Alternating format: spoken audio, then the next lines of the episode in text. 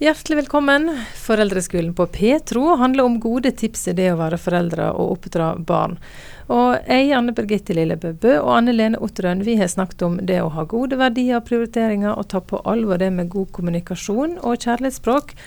Og nå er vi inne på det som handler om uh, trusopplæring og tru i heimen. Vi ønsker å gi trua videre til ungene, og sist gang snakka vi om det med tru i heimen. Hvordan formidle trua til ungene i hverdagen. Og Nå skal det handle litt om hvordan vi som familie kan spille på lag med kirka og omvendt. Ja, heldigvis så skal vi slippe å stå alene i dette med tro i hjemmet, så det er fint å kunne få lov å koble på kirka eh, og se hvordan vi kan gjøre hverandre gode. Og så er det sånn at jeg er opptatt av å finne ut hva er det som virker når jeg holder på med ting. Mm. Og derfor så liker jeg godt tall, og jeg liker forskningsmateriale. Og så er det av og til sånn at kunnskap kan smerte, det vet vi. Og det gjør det bl.a. når vi leser om hvor mange unge som forlater kirka når de når en viss alder. For det som vises Dette er amerikansk forskning, da, så det må vi ta med oss. Men vi mister to tredjedeler av alle ungdommene våre, eller unge voksne.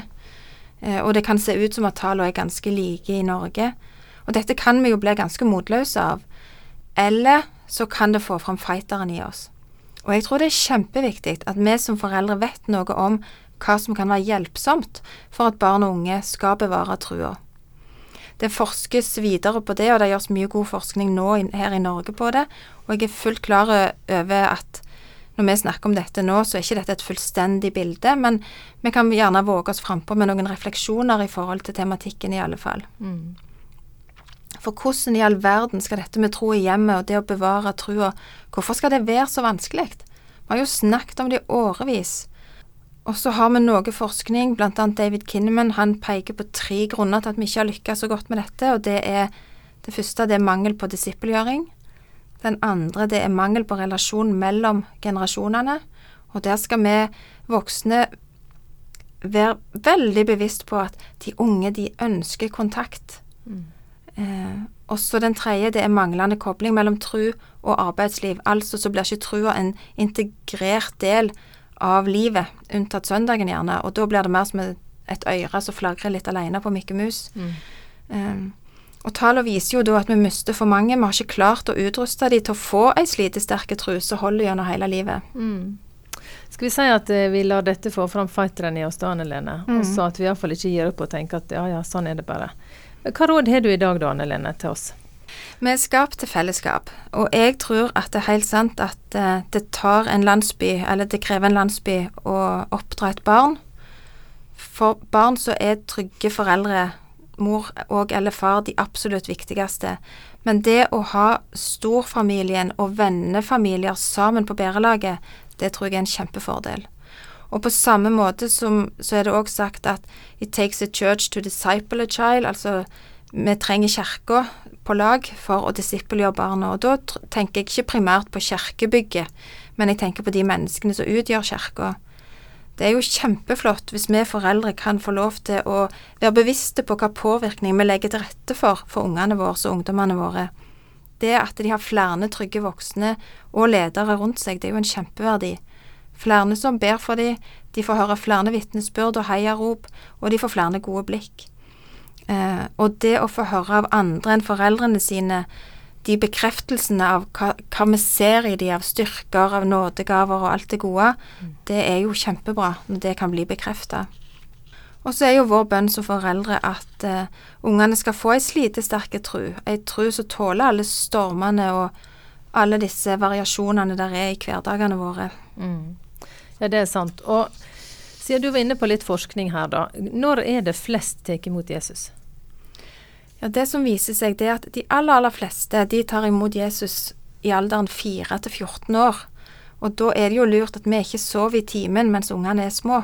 Jeg snakket med ei mor nettopp etter et seminar, og hun sa hun hadde fått seg en skikkelig aha-opplevelse, fordi at hun sa vet du hva, jeg kjører og jeg henter på disse ungene, jeg stiller på dugnad og jeg baker kaker, vi selger på dorull og vi selger på sokker.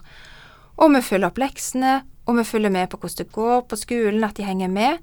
Men når det kommer til dette med trua på Jesus, ja, da håper vi bare det går bra, og at kirka har noe godt å tilby dem. Det er jo egentlig en risikosport, sa hun. Og da tenker jeg at her er det igjen viktig at vi minner oss om at ja, det er Gud som skaper tro, Det kan ikke vi foreldre ta oss av, men vi kan legge forholdet til rette for at det skal være et godt miljø for, for at dette skal kunne spire fram, når vi har litt tanker og bevissthet rundt det. For det er jo det vi ønsker, da, at de skal bli disippelgjort. At de skal være klare faktisk til å lede kirka når de er ferdig med ungdomsalderen. Og da trenger de å få stå på våre skuldre. De trenger å se lenger ut. Og vi ønsker jo at de skal nå lenger ut med evangeliet mest av alt. Ja, det handler om å legge til rette for, mm. for tru for dem. Og så er det også sånn at det er ikke alle som møter opp i kirka som kommer fra hjemme med kristen tro og møter det hjemme også. Hva, hva med dem? Ja, Det er et kjempeviktig poeng som du trekker opp der. Og det er kjempeviktig da for Kirka at vi har en forkynnelse, og at vi har en kultur i forhold til dette med utvida hjerter. For selv om undersøkelser viser veldig entydig at det er mor og far som er viktigst for barna i forhold til dette med, med tro, så har det òg kommet undersøkelser på andre viktige komponenter. Og en av de tingene som da trekkes fram, det er trygge åndelige mødre og fedre. Så kan det gjerne høres litt sånn voldsomt ut med sånn et ord at 'å, skal jeg være ei åndelig mor'? Men det det egentlig handler om, er vel bare å være mennesker som velger å gå sammen med en annen person. Som velger å invitere inn et barn eller en ungdom og gi av tida si. Spise sammen, elske de, dele erfaringene sine og trua si med de, og som våger å ikke ha svar på alle ting. Og det viser seg at Mennesker med utvida hjerter de har stor påvirkningskraft på barn som vokser opp uten den trua som en integrert del av hjemmet. Sånn at det er jo en kjempemulighet vi har for et privilegium, eh, bare det som går på å være bevisst på dette når det kommer til vennene til ungene våre, f.eks.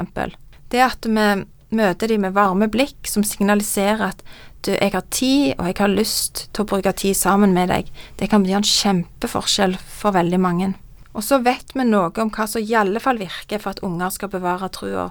Og da er det et viktig element som, som sier oss at det handler om varme relasjoner og ei troverdig tro. Mm. Og god oppfordring der til å utvide hjertet og bety noe for andre enn sine egne barn også.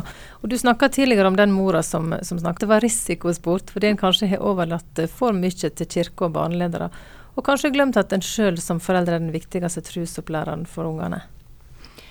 Ja, hvis du ser for deg en person eh, med to bein, og så tenker vi at kirka er den ene foten og hjemmet den andre, så tror jeg at det vi har holdt på med i kirkene i forhold til disippelgjøring i de siste åra, det er at eh, vi har rett og slett drevet bodypump på kirkefoten, og så har vi latt foreldrefoten få lov til å hvile seg til muskelsvinn og nesten snart behov for rullator. Så som kirke så er det kjempeviktig nå at vi istandsetter foreldre til å disippelgjøre ungene sine, og samtidig utvide hjertene og elske og tjene de ungene som ennå ikke har foreldre som tror. Mm. Og jeg lengter sånn etter å se enda flere familier som lever og tjener som team, og som har en sånn vi-følelse som familie. At ikke det bare er et morskap på det og farskap på det og ungene på det, men, men at vi kan få lov til å legge til rette for at familien skal bli et team som sier at jeg og mitt hus, vi.